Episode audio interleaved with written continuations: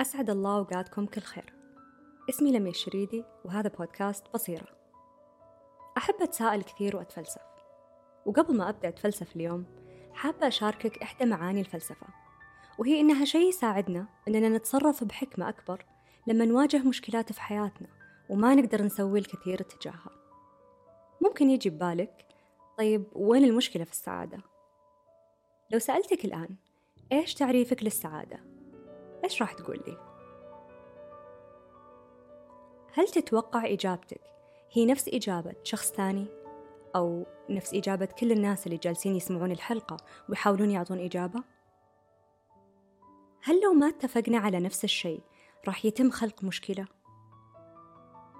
طيب خلني آخذك في رحلة إذا أنت جالس وحولك ورقة وقلم جيبهم لو ما عندك ممكن تستخدم نوتس الجوال وممكن تستخدم ذاكرتك لو وضعك الحالي ما يسمح لك بالكتابة. أبيك تكتب أو تفكر في كل الأشياء اللي تجلب لك السعادة. راح أقول لك متى توقف.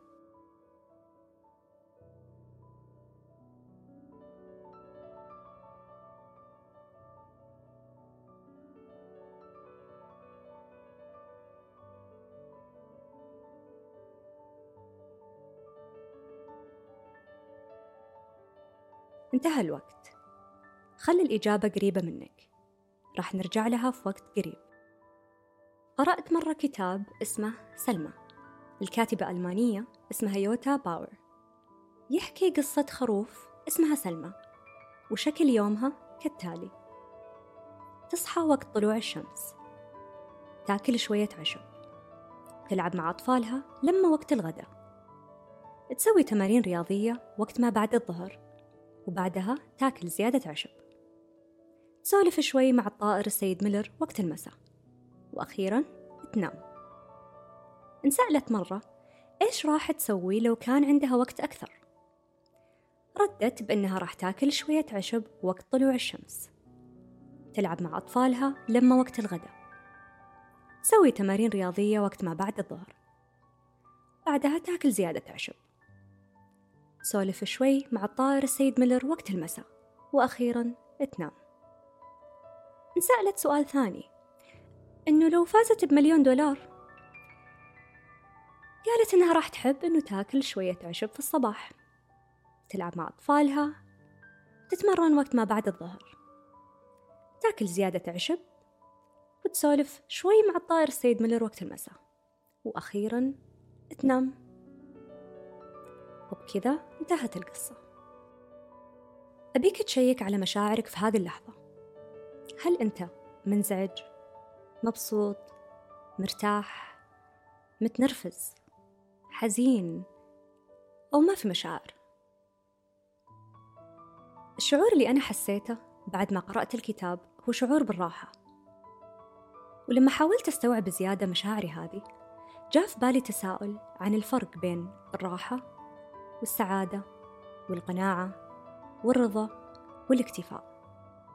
وكيف شكل هذه المشاعر بالضبط؟ هل المشاعر هذه سلسلة كل واحد يلي الثاني في وقت الموقف؟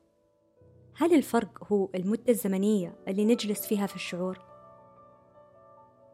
قررت أسوي ورشة عمل ومنها طلعوا المشاركين بعدة أسئلة مثل هل الرضا والقناعة لدى الإنسان تتغير بزيادة المعطيات؟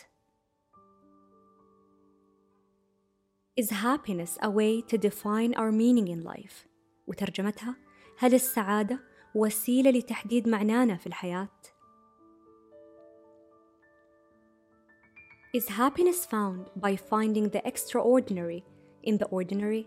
وترجمتها هل يتم العثور على السعادة من خلال إيجاد ما هو استثنائي في المألوف؟ Does contentment come with not wanting more؟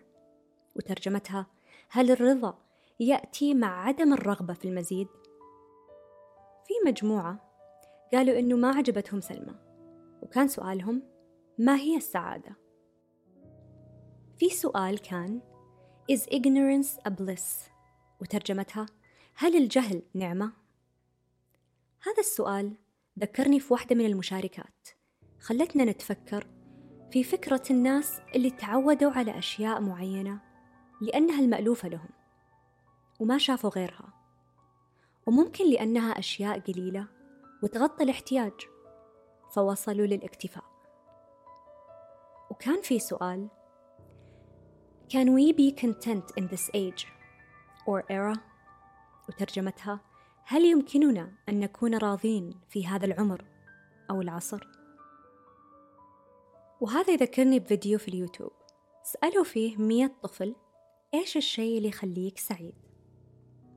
بعض الردود كانت الأكل اللعب بالألعاب لما أتفرج على أفلام لما أفكر بالأشياء اللي تخليني أتحمس لما ما أسوي واجباتي لما أخم أمي لما الجو ما يكون فيه مطر. أبيك الآن تغمض عينك. تخيل نفسك في عمر سبعة أو ثمان سنوات. وأنت الطفل رقم مية واحد.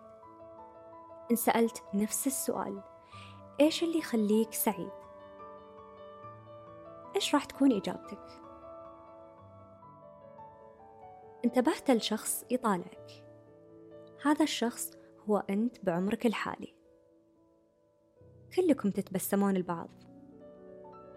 قرب منك الطفل اللي هو ما زال أنت بعمر سبعة أو ثمان سنوات وسألك إيش اللي يخليك سعيد؟ إيش راح يكون ردك؟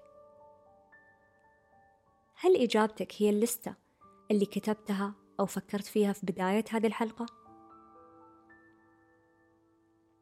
اسمح لي أرجع أسألك إيش تعريفك للسعادة؟